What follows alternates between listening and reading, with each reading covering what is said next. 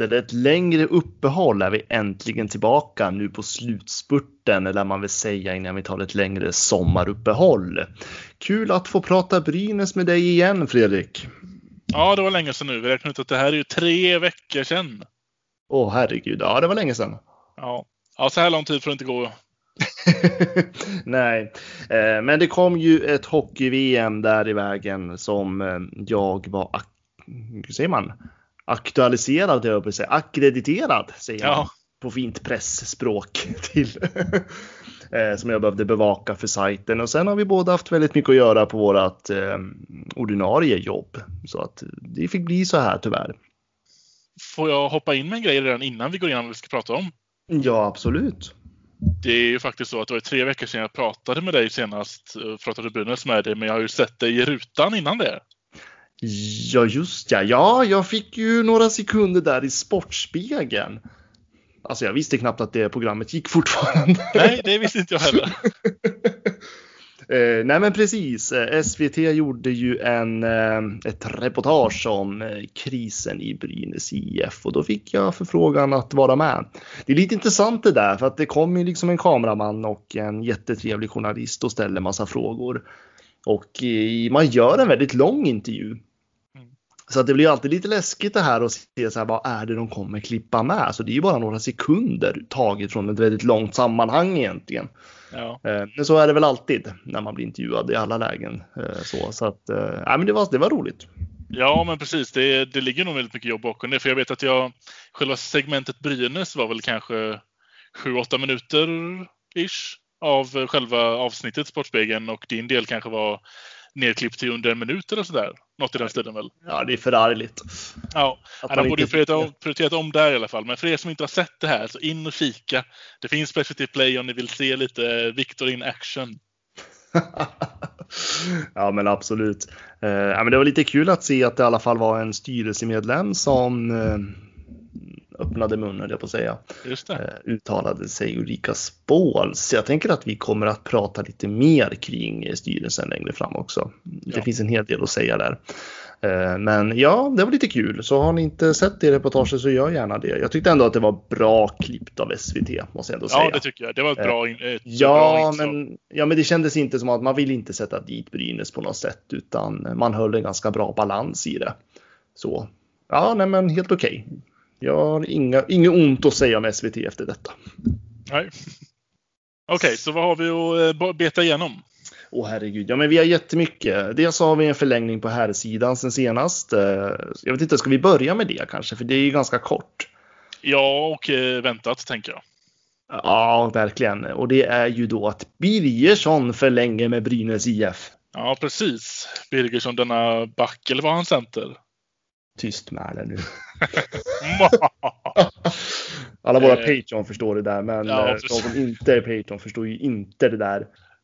Jag hävdade ju bestämt, vad fan vad sa jag för något? Kommer jag inte ihåg. han var back. Ja, det var det jag sa. Jag hade en eh, magkänsla av att nah, det vet jag inte om det stämmer. Och jag var ju så bestämd också att han var back. Och jag Ja. fortsatte ladda. Du bara sitter tyst igen. ja, Nej, nej. vill du höra det klippet så är det bara in på Patreon. Ja, nej, men jag, jag, jag är helt bestämd med att han är en back. Ja, ja det är skönt nu eftersom vi har lite backbrist. Vi ändå förlänger med Birgersson nu då.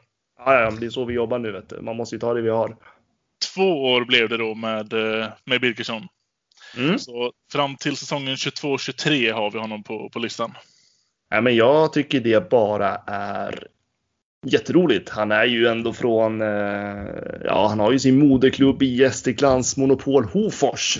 Så det Ja. är ju en Gästrikepojk som vi har att göra med. Eh, vilket eh, är faktiskt väldigt kul att det är någon från trakterna.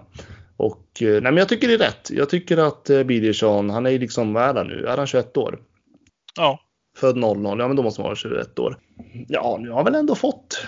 Är det, han har gjort en 46 hel säsong i SHL har han ju bara fått. Eh, Ja. Och jag tycker liksom i ett lag som absolut inte har gått bra för så att jag ser gärna att eh, en fortsättning på Birgersson. Jag tror att det finns väldigt mycket utvecklingspotential i honom med rätta förutsättningarna och det är det Brynäs IF behöver i fråga om ledarskap nu då. Precis. Som tur är så har vi även en uh, lyssnarfråga som kommer på det ämnet sen så att vi kan utveckla lite mer senare.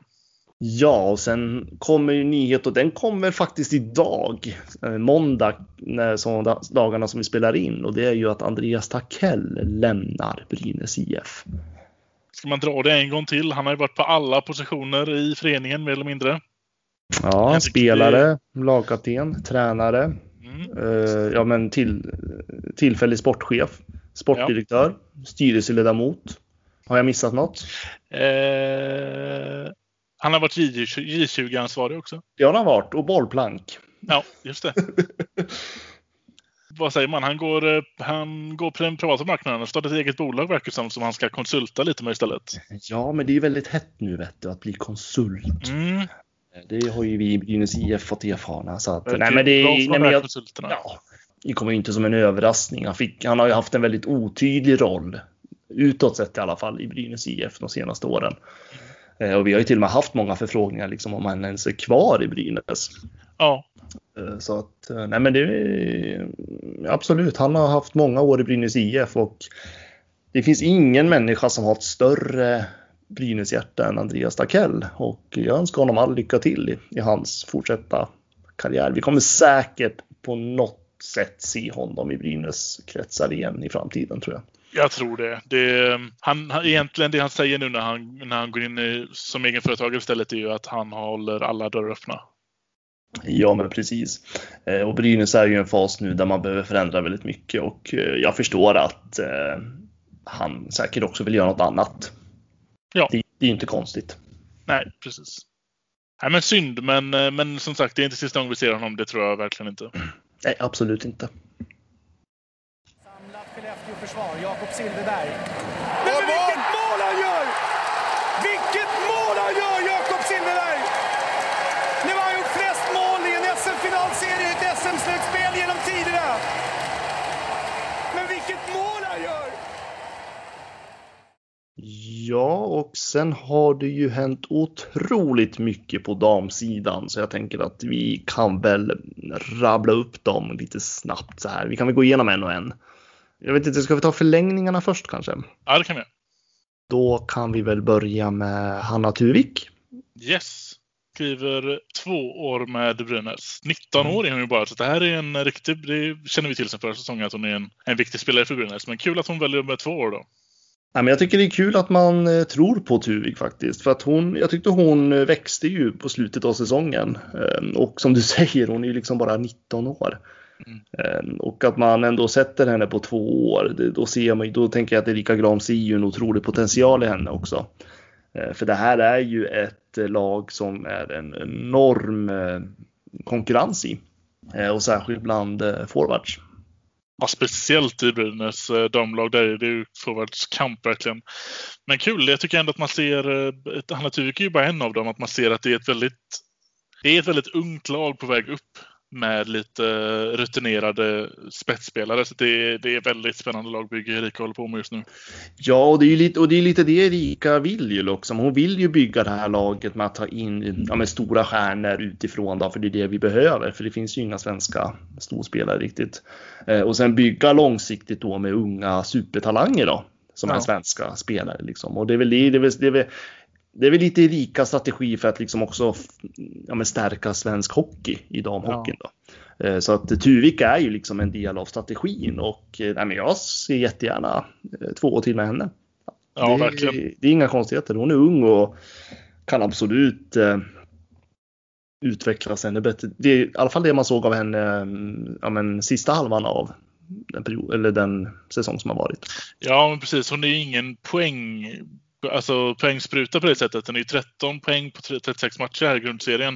Eh, men jag tycker inte heller att det är hennes roll. Liksom. Man ser att hon, det är inte hennes uppgift att, att, eh, att ta efter Stalder. Liksom.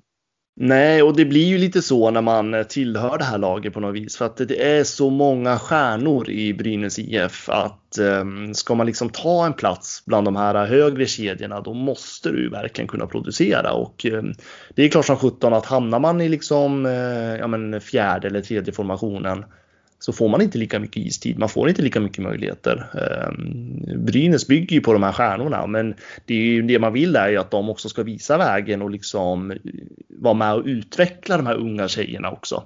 Mm. Ehm, så att, ja, men jag tycker det är jättespännande. Sen har vi också en förlängning för Ebba Strandberg. Mm. Som då det... förlänger för ett år med Brynäs. Mm, det är viktigt, speciellt med att stärka upp på, på backsidan. För vi fick ju, vi som, vi kommer till det senare, men vi som var med på medlemsmötet här tidigare förra veckan fick ju lite hintar av Erikas lagbygge och hon hintade väl rätt mest tycker jag väl om att det, det är backarna som gäller just nu. Och här har vi definitivt en, en, en back att styrka upp, stärka upp med. Ja, och det är väl liksom den del som Brynäs kanske behöver utvecklas mycket är ju själva backspelet och eh, försvarsspelet generellt. Även om jag tyckte det var bättre den här säsongen än säsongen innan mm. så finns det fortfarande utvecklingspotential och där tänker väl jag också att Strandberg är ju någonstans lite kontinuitet i det bygget då till kommande säsong. Ja, hon får börja bli det i alla fall.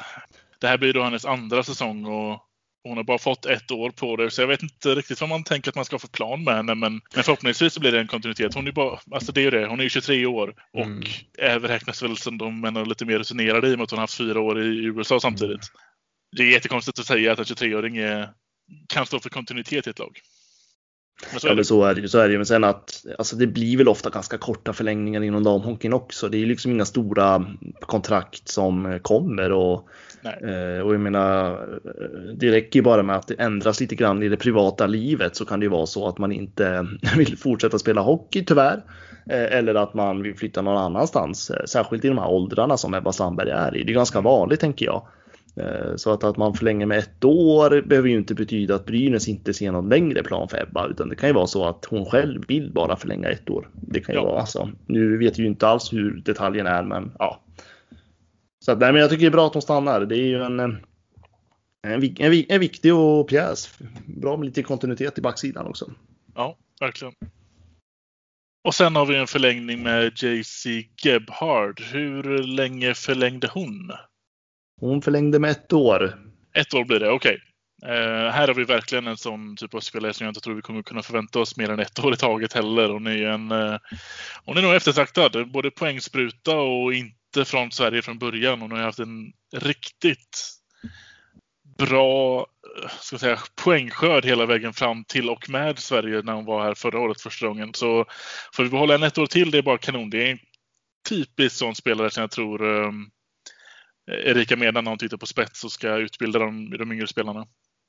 Absolut, och det är ju en eh, otroligt viktig kugge om man tänker det offensiva spelet och att hon får fortsätta utvecklas på SDHL-nivå som ändå är rankat som en av världens bästa ligor. Mm. Så att eh, det är ju jättekul att hon vill stanna och hon uttrycker ju själv på Brynäs hemsida att hon trivs väldigt bra i gruppen så att det är ju jättekul att man kunde få förlänga med sån här typ av spelare.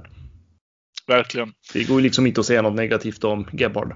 Nej det, nej, det gör det inte. Snittar man mer än ett poäng per match man gör i SDHL så eh, då förlänger vi gärna. Ja, det är för dåligt alltså. Jag är besviken. nej, 34 poäng på 31 matcher förra säsongen blev det för henne och eh, ja, vill du stanna så, så tar vi det gärna. Ja, men hon är jäkligt smart spelare också, Gebhard. Ja, eh, otroligt ja, men spelskicklig och liksom, ja, men hitta liksom passningsluckor. Och, ja, men det är smart spelare. Det, är roligt, det är roligt att se när hon spelar hockey. Ja, perfekt i, eh, som centerroll. Där. Det, ja, nej, kanon. Sen har vi ju nyförvärv som har tillkommit de här veckorna då den här podden har sovit lite grann och det är bland annat Jenny Antonsson och eh, hon är då en center som har tillkommit till SDHL-truppen och har skrivit på för två år i Brynäs IF. Mm, spännande. Ja. Inte riktigt en eh, poängsprut överhuvudtaget heller. Det här är ju vad jag förstår det som kanske en tredje, fjärde linare. En defensiv gnuggare kanske? Ja, men man ska ju komma ihåg att hon är bara 19 år och hon har redan fyra säsonger i HV71. Så att, eh, ja men jag, jag tror också att det här är, man tänker nog att hon kommer bredda det här laget lite grann. En, säkert en hård gnuggande center helt enkelt. Mm. Sen har vi också fått en till check i, säger man så, check? Tjeckiska tror jag. Tjeckiska säger man. Eh, in i det här laget och det är då landslag, den tjeckiska landslagsbacken till och med. Sami Kolovratova tror jag man Snyggt. uttalar det som. Ja, nej, men hon kommer eh, senare från universitetshockeyn i USA. Ska skriva på ett år för Brynäs IF. Just det. Det här är nog en riktigt... Eh, jag får känslan av att det här nog är en defensiv back kanske till och med. Det verkar som att det är den rollen hon har fått lite. Ehm, bara spelat i Tjeckien eh, i sina juniorår verkar det som och hoppat över till college hockey efter det. Så det här är hennes första då utanför hemmanationen eller college hockeyn. Så spännande och kul att hon vill chansa på, på Sverige. Absolut och eh, ja, men hon har ju ändå, hon har ju landslagsmeriter eh, eh, och eh, ja, men collegehockeyn i USA är ju liksom, ja vad ska man säga, näst bästa kanske efter SDHL i hela världen. Ja, Och eh, nej, men hon är rutinerad back och kommer absolut vara en otroligt viktig kugge för att stärka själva backspelet och det är ju det Brynäs behöver. ja.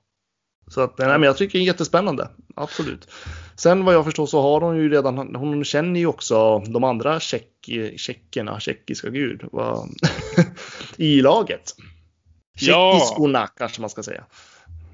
Ja, det är ännu bättre. Det är ju perfekt. Alltså, det här är precis en sån värvning som jag tror att eh, Erika har gått runt och väntat lite på också.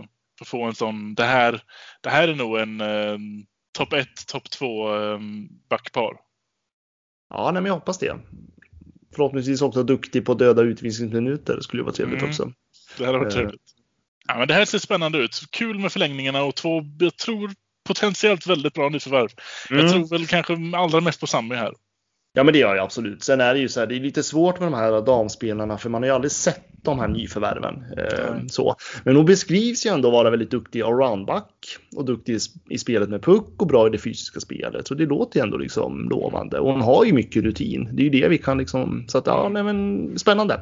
Mycket spännande. Ja, det här blir skitbra. Från ingenstans, Leif! Det går inte! Han gör mål!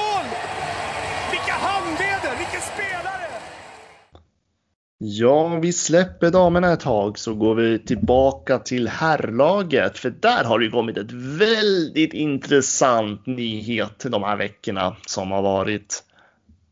Verkligen. Det här, eh, det här kändes eh, spännande. Lite som en, eh, en liten fint. Jag såg inte den här komma att vi, att vi skulle titta österut för vår nya headcoach. Det är väldigt spännande det här man valt och det är ju alltså Mikko Manner som kommer komma till Brynäs IF. Eh, Ja, nu i sommar skulle jag väl förmoda. Och han har ju varit tidigare head coach i finska Kärpet. Sen, nu ska vi se. Ja, han har ju varit 2017 assist... tog han ja, ja, han tog över där 2017. Innan dess var ju han också assisterande coach där sedan 2013 vill jag väl läsa mig till. Ja. Och eh, han har ju då, alltså fin Finland har ju lite en annan struktur. I, ibland skulle jag önska att Sverige tog efter den, men eh, de har ju liksom, för han är ju också assisterande coach i det finska landslaget. Mm. ja, för oss som har följt VM har ju sett han i båset där. Mm. Precis, och jag vet nämligen för att jag har lite kontakter med folk som jobbar i VM som har pratat Brynäs med honom också. Så att han, eh, han har hälsat att han ser verkligen fram emot att få komma till Gävle. Kul! Ja, det här är riktigt spännande faktiskt. Det är en meriterad coach vi har pratat med, som vi pratar om här nu. Ja, men det är det verkligen. Det är intressant och eh, känns väl. Jag vet inte, har du lyssnat på någon intervju med honom? Jag har inte lyssnat, jag har bara läst hittills. Ja, Nej, men jag har lyssnat på lite grann och sen det är klart att det låter alltid bra när tränare kommer med sina tränarfilosofier. För jag menar, Mm.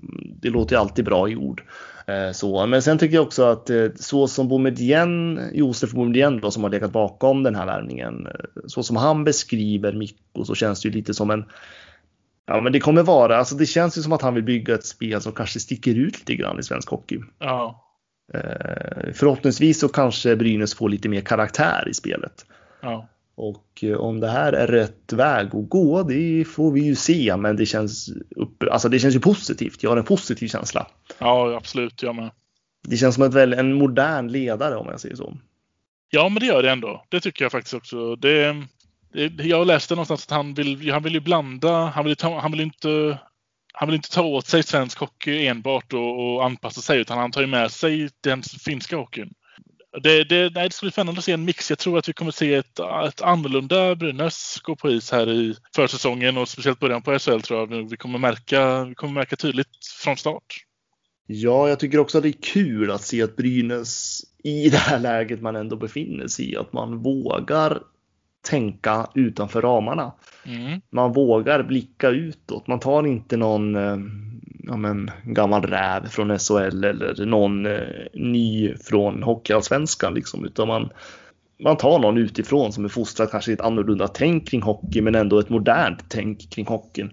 Ja, det tycker jag det är ändå ett, det första tecknet på länge på att man man identifierar vad vi har gjort hittills. Vi har plockat upp från Hockeyallsvenskan eller värvat in gamla rävar och det har inte funkat och nu har vi stått med det här helt fruktansvärda facit av så många sparkade huvudtränare. Att man har ju sett vad man har gjort fel eller vad man tror kan vara felet och testar en ny väg. Och det ser ja, skitspännande ut. Ja, och jag gillar också liksom tänket kring hur man jobbar med grupperna liksom så. Eh, det är ju ja, jätteintressant. Sen får vi ju se vad det blir av det. Eh, för att det är ju fortfarande i princip, det är inte mycket förändringar i truppen än vad vi ser liksom. Nej. Eh, så att det blir ju frågan vad han har för material att jobba med. Ja, så blir det ju tyvärr. Men det kanske är skönt, alltså nu, nu är det ju vild spekulation här från min sida, men det kanske är lite skönt också att eh, att det inte är någon svensk som kommer till Brynäs IF. För att, som kanske, för jag menar, alla som är hockeyintresserade i Sverige vet ju liksom den här mediala pressen och vad det innebär att komma till Brynäs IF. Mm. Nu säger inte jag att Mikko inte har koll på det, men jag tänker det kanske är skönt att veta att man kommer ännu längre utifrån. Um, och inte liksom har det här i ryggen på något vis. Mm. Utan liksom jag kommer från en helt annan hockeykultur och liksom kan ta sig an den här utmaningen. Kanske på ett bättre sätt. Jag vet inte. Jag bara, jag bara spekulerar nu. Ja, men jag tycker att det, och det är lite på den nivån vi får behålla det tänker jag. För så många tränare vi har gått igenom nu på senaste.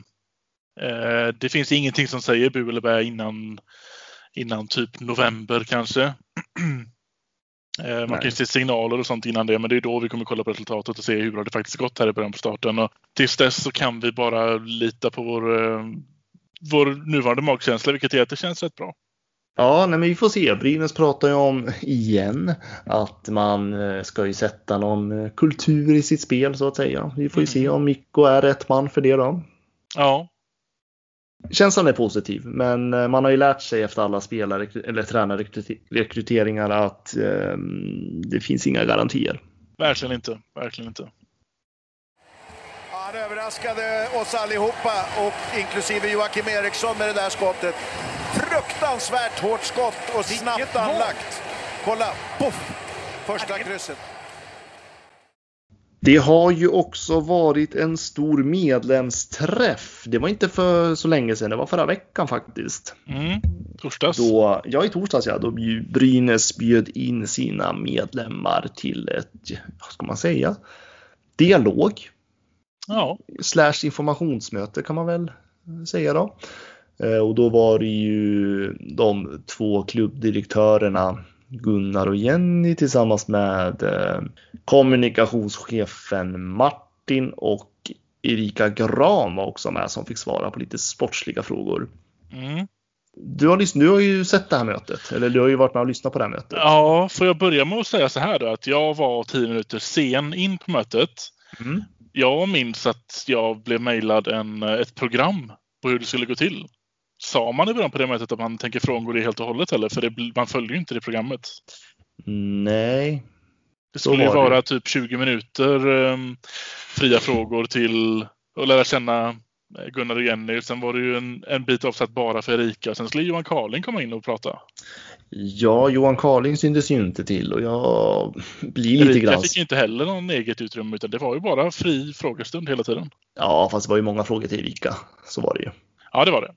Det var det ju. Men eh, ja, nej, men Johan Karling undrar jag lite vart han tar vägen. För att vad är han i allt det här? Mm. Han har ju för 17 typ, typ en direktörstitel. Nu är den lite missvisande, men vad är han i allt det här kaoset? Ja, ja, nu är det svårt att fråga när man inte vet all svar. Men... Ja, men oklart. Jätteoklart. Ja, men, jag ser eh, fram emot den delen av, av mötet och lyssna på vad har han att säga, men det kom aldrig.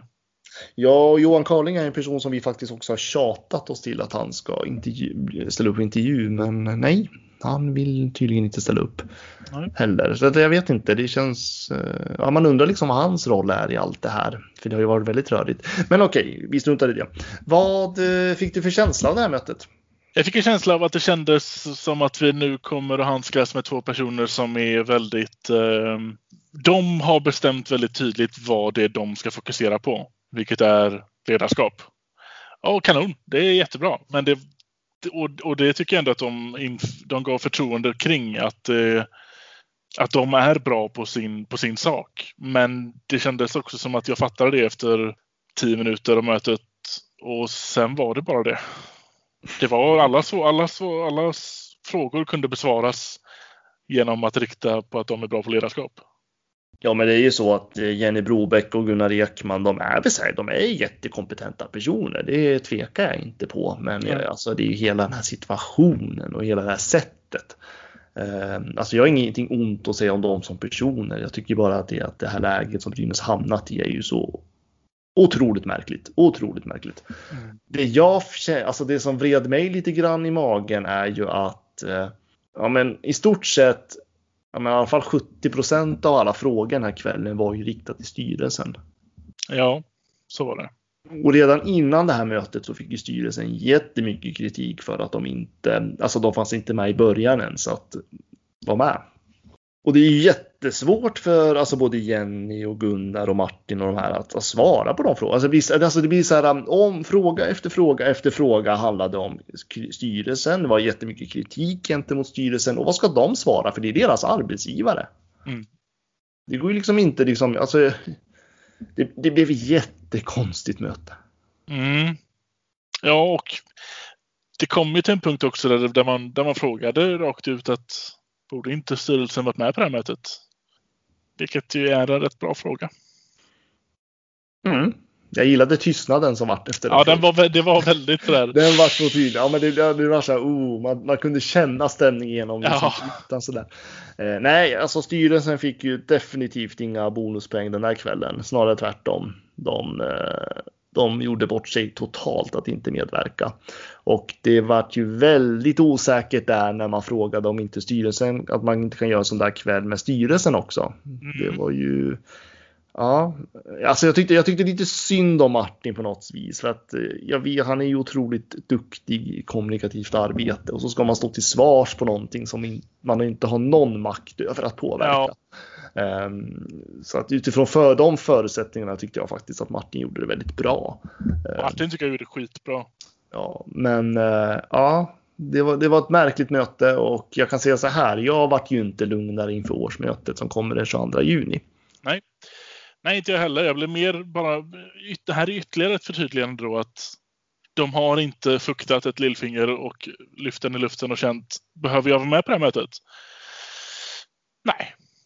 Nej, och sen, eh, sen tror jag absolut att eh, de här, eh, ja, jag stör mig jättemycket på att Brynäs IF är i ett läge där man har tagit in externa konsulter. Ehm, jag, för, jag förstår faktiskt inte de personer som försvarar det för att ja, visst, Brynäs gör mycket, säger mycket bra saker idag och man gör faktiskt bra val i sporten idag. Mm. Men att man har hamnat i det här läget, det är ju det. Och, det- och och jag kan inte försvara styr, alltså styrningen i föreningen som är idag, för det är de som har gjort att vi hamnar där vi är idag. Ehm, det är liksom där man hamnar någonstans. Så hur, hur, hur, mycket Brynäs än försöker just nu att bygga förtroende så är det ju så tydligt att det finns inte så mycket förtroende. Det är, det är några få som absolut stöttar allt och allt. Men majoriteten är jättekritiska och det var ju det man kände av på det här mötet. Och någonstans kändes det som att man får lite försmak kring vad som kommer komma på årsmötet. Mm. Ja, men det fick vi verkligen. Det, det kommer bli ett väldigt spännande årsmöte. Jag, jag tycker att juni hittills har gått lite långsamt. Jag ser fram emot den 22.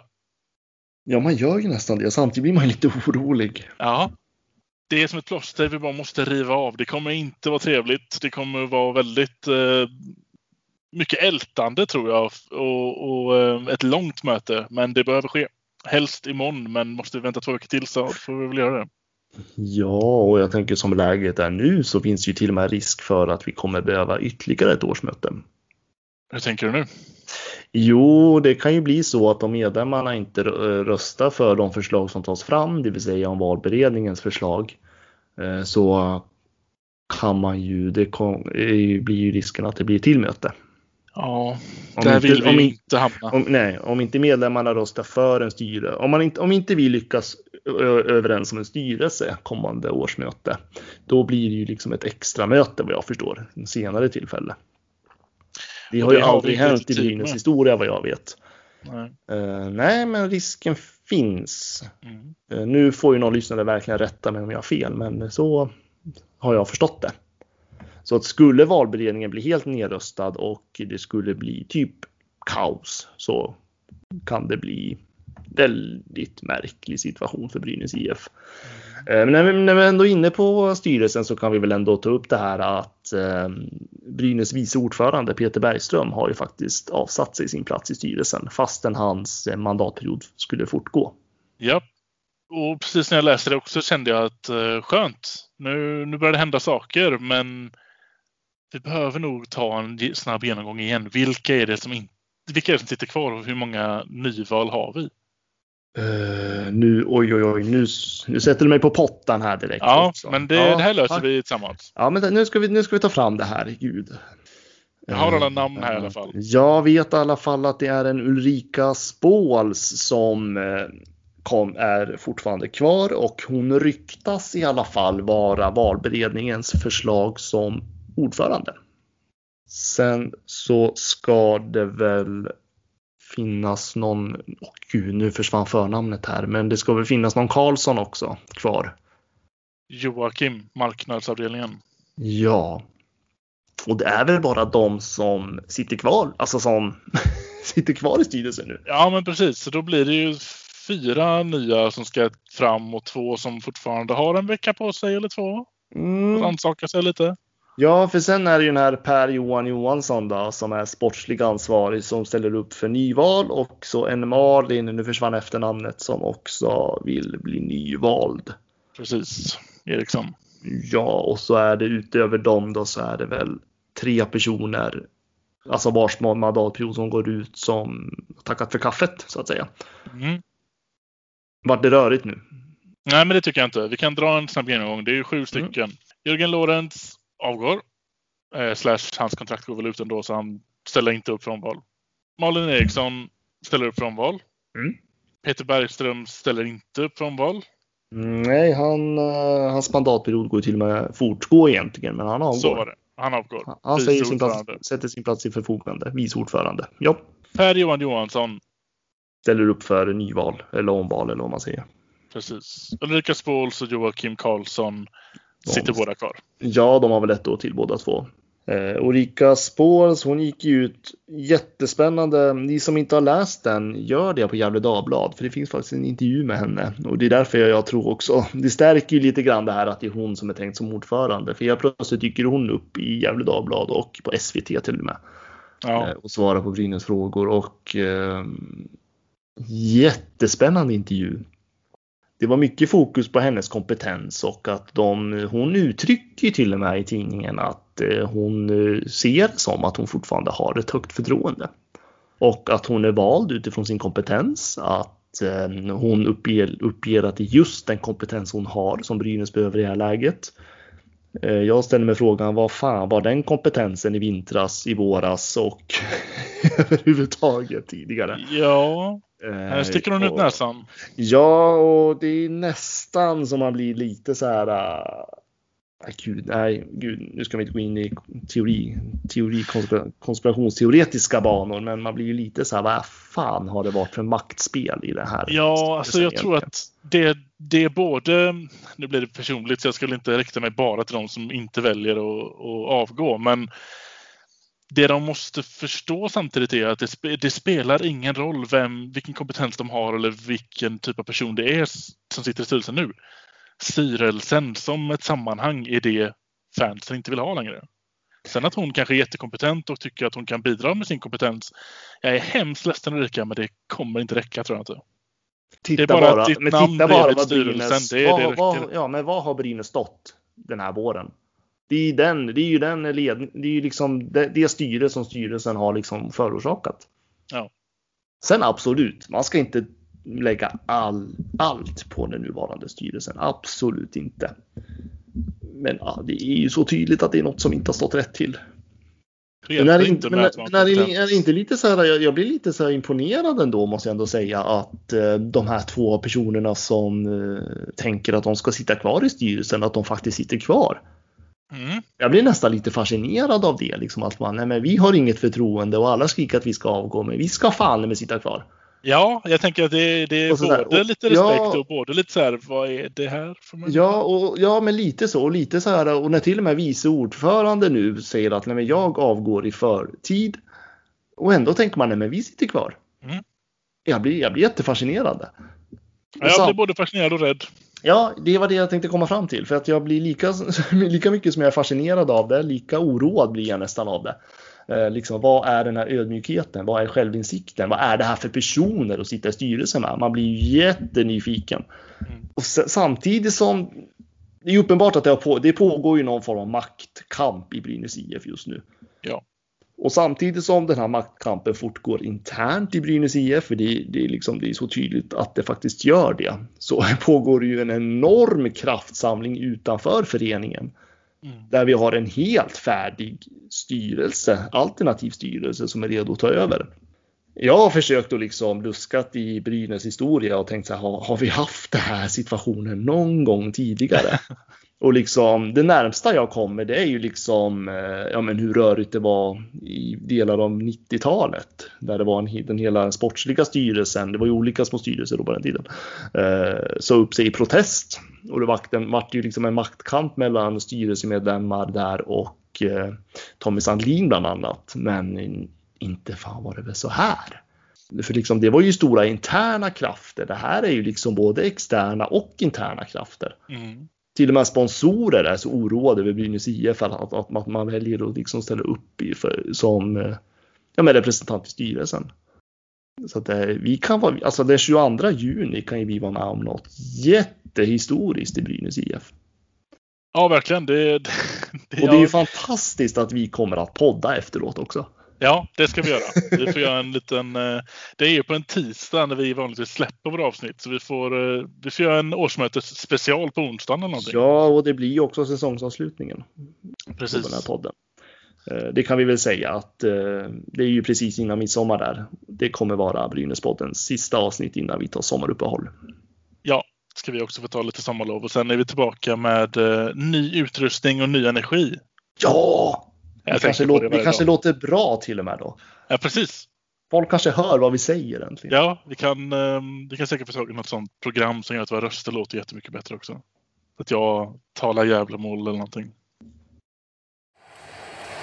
Men allvarligt talat Leif Boork, du håller på med hockey i 600 år. Hur skjuter karln? Hur skjuter han? Han skjuter väldigt bra, han skjuter väldigt hårt, han skjuter väldigt pricksäkert.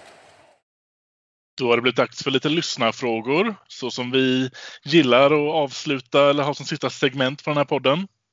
Då är det ju via Facebook eller via Twitter som är lättast att skicka in eh, lyssnarfrågor till oss. Då är det Brynäspodden på Facebook, Brynäs Brynaspodden på Twitter. Precis. Eh, Men vi kan väl börja på Twitter där va. Där har ju du en fråga som du vill att vi ska svara på. Precis, vi har ju fått från Emil. Blir Lars Stalder kvar i Brynäs?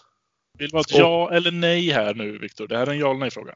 Okej, ja eller nej? Jag kommer stå och svara rakt och bestämt. Vi hoppas det.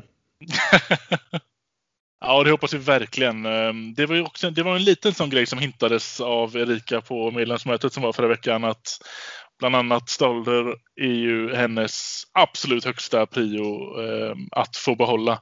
Vad var det hon... Hon lovade någonting. Hon lovade att det skulle gå bra. Gjorde hon det? Nu har du Ja. ett bättre minne än vad jag har. Ja, men det var, jag satt och lyssnade. Nu är hon på väg och lovar någonting. Och bara välj dina ord väl nu Erika. Men det blev någonting i stil med att hon, hon lovar att hon kommer jobba på det och det kommer gå bra.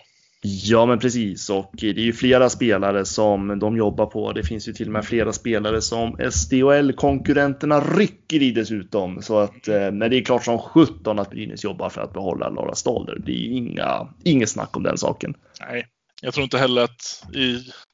Jag menar, både från intervjun som jag hade med, med Erika förra året eh, och även så som det ser ut på marknaden i, i svensk damhockey så är det ju sällan pengar det handlar om på det här sättet. Så det är inte, det är inte riktigt som att vi kan putta in via fansens värvning för att tippa över det så att Staller stannar, utan det här har ju med en miljon olika faktorer att göra. Ja, men så är det absolut. Eh, det är ju allt ifrån trivsel till socialt sammanhang där man är och ja, hur livet ser ut i övrigt. Mm. Så det var ett eh, typ rakt svar. typ rakt. Ja men, det, ja, men det är det rakaste svaret vi kan ge, men eh, det jobbas på det. Ja, precis. Absolut. Och på Facebook så skriver en Daniel, ska Brynäs ha ett krav på att minst två juniorer ska vara med som ordinarie i laguppställningen?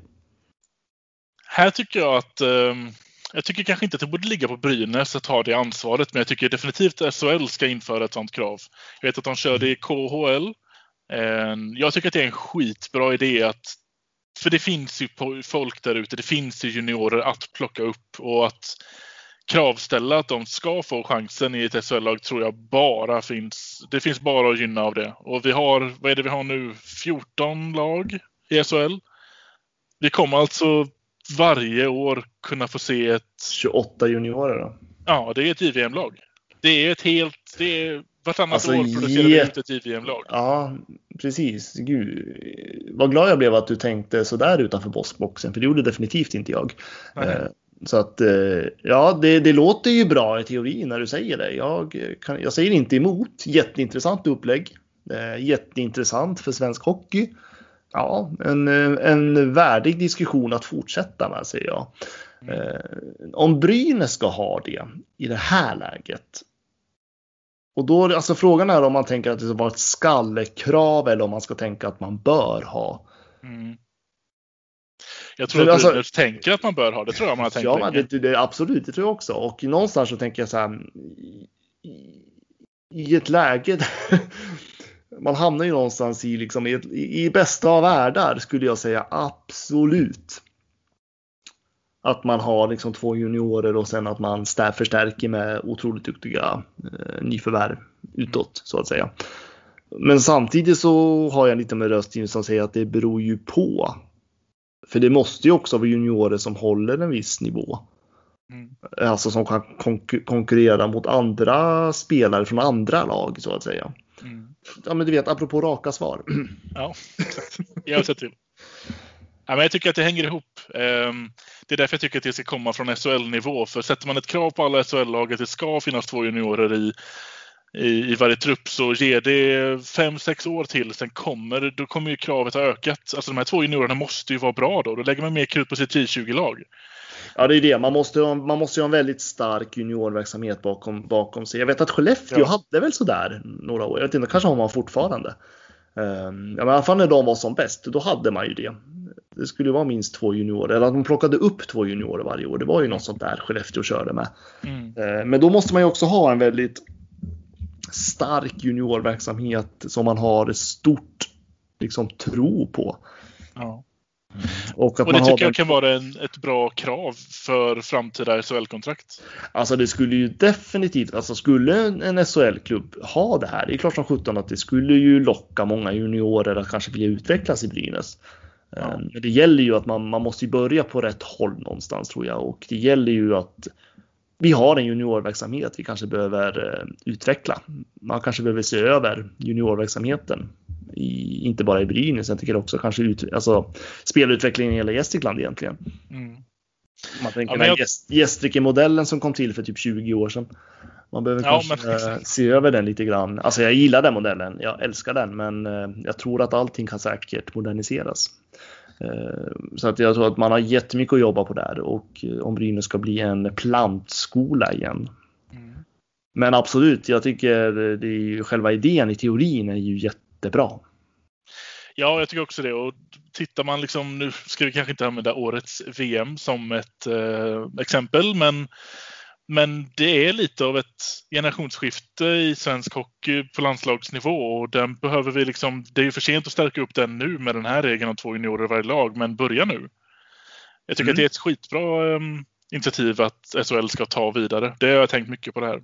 Jag gillade Mm. det när jag lärde mig att KHL gör så. Och de har även restriktioner på, på utlandsspelare som jag väl kanske inte tycker att vi ska ha. Men med juniorerna definitivt. Ja, nej, men det är jätteintressant diskussion. Jag kände faktiskt inte till att KL hade det. Så det är ju väldigt intressant. Absolut värt att diskutera vidare. Då har vi från en Andreas. Ehm, han skriver så här. Vad tycker ni om att Brynäs sänker spelarbudgeten när andra lag som vi borde ligga före höjer? Då tar han exempelvis Leksand med flera. Ja, det här tycker jag är en rätt stor fråga. Till att börja med så vill jag väl minnas att Erika på medlemsmötet senast sa att man i princip inte sänker spelarbudgeten. Samtidigt så har ju Josef Boumedienne sagt i Sportbladet att man har sänkt marginellt. Ja, marginellt är de båda inne på. Ja. Så att, eh, Nej, men sen tänker jag så här, alltså någonstans, ja absolut, Brynäs sänker budgeten och Leksand höjer. Ja, men vad hade lagen innan då? Brynäs låg topp 4 i SHL i sin spelarbudget inför förra säsongen. Det har vi till och med fått bekräftat av tidigare sportchefen Micke Sundlöv. ja, precis. Leksand låg långt nere i spelarbudgeten. Så att, att Brynäs sänker marginellt betyder ju inte att Brynäs ligger efter massa lag i spelarbudgeten. Nej. Utan det handlar ju snarare om att, och Brynäs är ju definitivt inte ensamma i SHL om att sänka sin spelarbudget. Att vissa lag kan göra det, ja, det kan ju svårt att svara på varför de kan det, men det är ju uppenbart varför Brynäs har gjort det i alla fall. Och varför massa andra lag i SHL faktiskt också har gjort det. Eh, nu har jag inte koll på om alla verkligen har gjort det. Eh, det finns väl säkert de som lägger extra krut.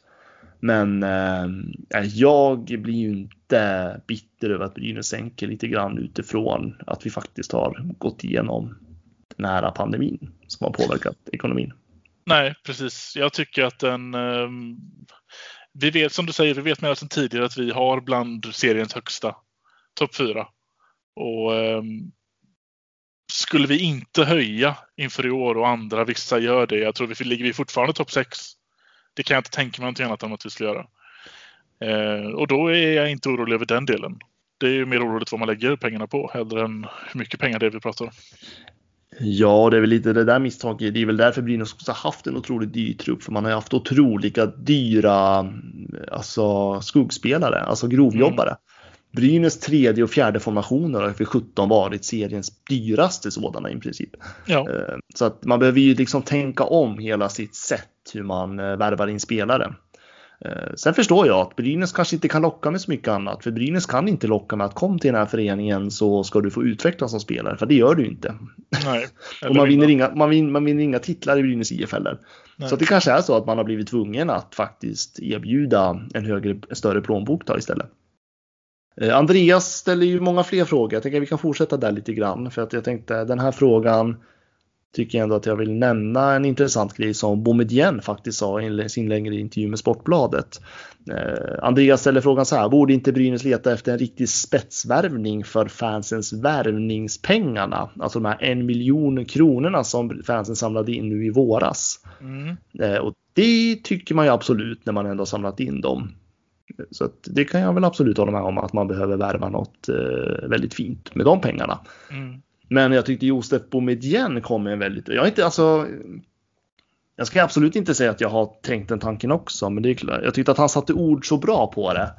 Eh, Och det var ju det här att han var ju ganska emot fansens värvning. Okej. För att han menar på att eh, det blir en sån enorm press på den individen. På just den spelarna. När fansens värvning, alltså att den blir utvald att liksom fansen samlar in pengar för dig. Och han tror inte att det är så jäkla nyttigt. Har han snackat lite med eh, våra förra fansvärvningar då kanske? För vi hade ju Jag både Bertilsson och eh, Berglund. Berglund och kan väl inte säga att Ber- Bertilsson gjorde inget dåligt jobb under säsongen. Men alla fansen har väl också väntat lite mer av Berglund. Så det kanske ligger något i det han säger. Ja, nej, men jag, alltså, jag kan köpa det någonstans. Liksom. Uh, no, alltså, jag, jag, jag, jag, ser inte att jag är emot fansens värvning. Jag kan bara köpa argumentet. Mm. Uh, jag tror inte att det är så jävla kul som spelare att få de här förväntningarna på sig. Åh, fansen har lagt två miljoner eller en miljon på mig och förväntar sig att jag ska prestera det här. Men det kanske är precis en sån spelare som inte har något emot det som du behöver. Men då snackar vi ju en... Då är inne på Clark. Fast är, är, inte, är, men är inte det där jäkligt lätt att säga? Jo, det har du nog rätt det, det, det, det räcker med att det går lite dåligt för dig så har du liksom hela, inte, inte nog med att du är värvad som en stjärnspelare, det är tillräckligt med tryck, men också att fan, de här fansen har lagt en miljon på mig. Ja. Jag menar, bara för man är elitspelare är man ju inte mer än människa. Nej, men jag tänker ändå att det finns de där ute som, som triggas av det. Ja, så kan det göra. Men om det går dåligt då, som det gjorde nu? Tror du att de triggas av det då? Nej, men de måste ändå ha spelat ett lag där det gått dåligt tidigare. Hur gjorde de då? Ja, jo, de fast då, Jag hade, tror då, att då hade de inga fans som la två mille på dem. Nej, Brave New World. Jag tror det finns någon där ute, men det är nog väldigt svårt att hitta den personen. Ja, nej. Vi är oense här hör jag. Ja, Ja, då går vi vidare. det är så vi löser våra problem. vi lägger under mattan och går vidare. Så.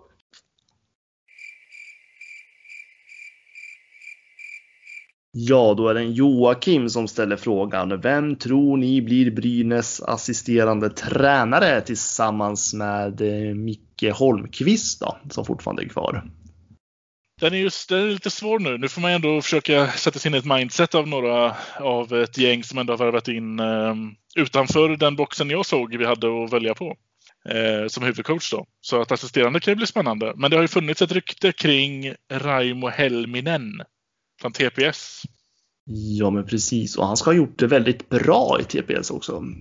Ja, jag vill minnas att det har inte jag stenkoll på finska ligan, men TPS är väl inget bottenlag? Precis, och Helminen är ju då, han kom ju som, han har gjort en säsong för TPS och de missade faktiskt slutspel förra säsongen om jag inte missminner mig. Och, eh, men han kom in nu och de tog sig hela vägen till final i den finska ligan. Dock en förlust.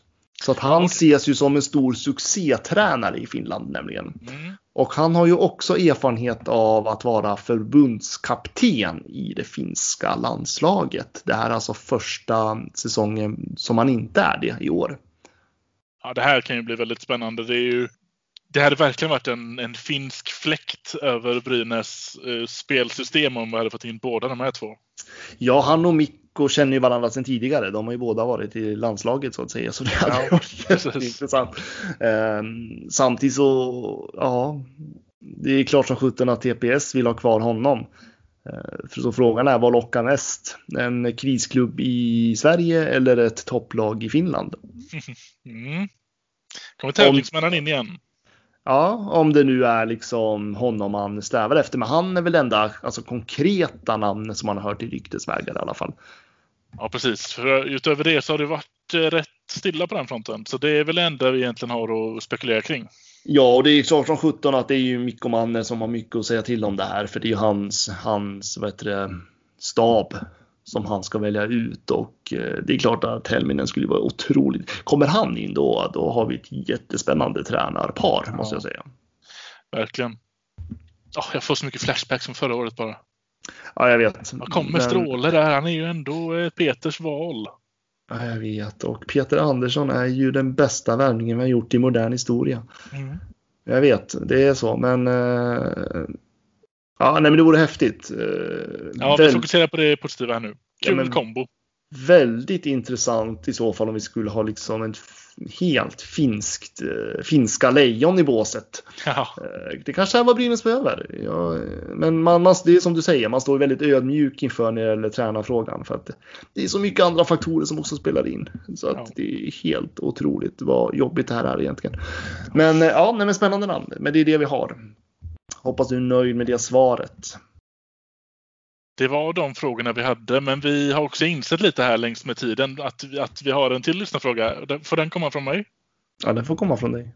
Vi har glömt en, en stor grej. Vad är det vi har glömt? Alltså, vi har väl egentligen glömt en och en halv stor grej va? Ja, Om vi ska prata för detta målvakter som är från Gävle.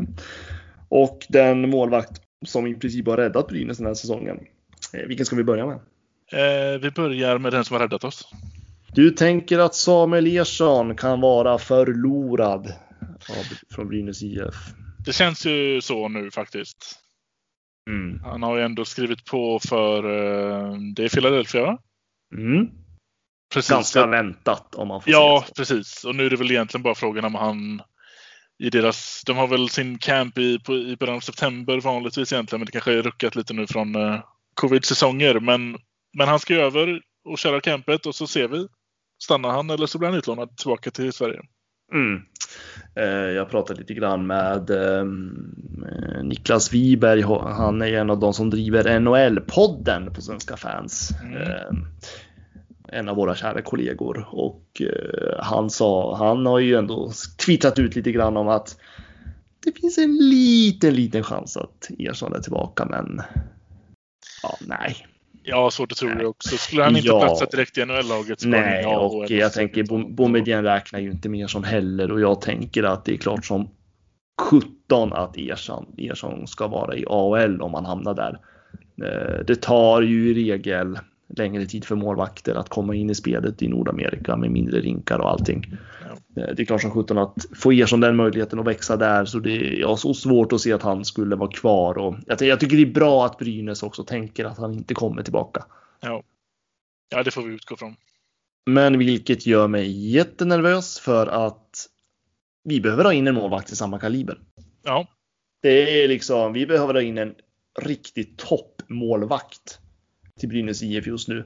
Eh, inget ont om Andrén, men vi behöver faktiskt någon riktigt stabil målvaktspar med honom.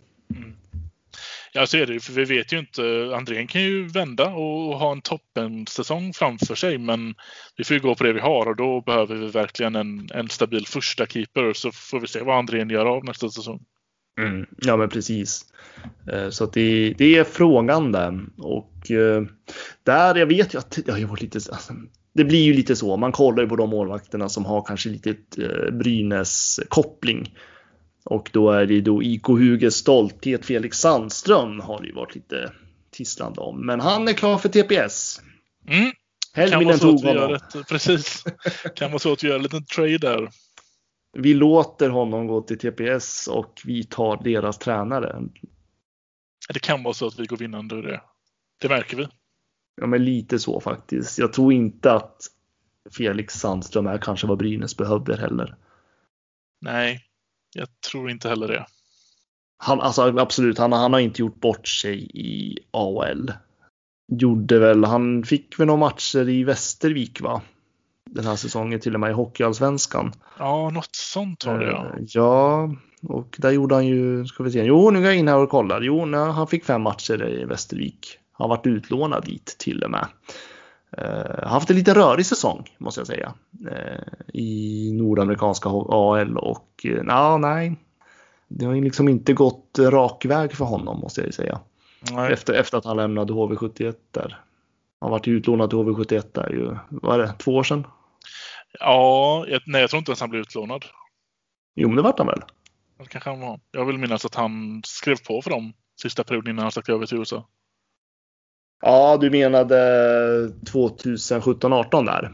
Ja, Ja, jo, du gjorde, du gjorde det. Han fick ju typ tre matcher med HV. Sen vart han utlånad till HV igen året därefter. Jaha, från sen eh, var- USA.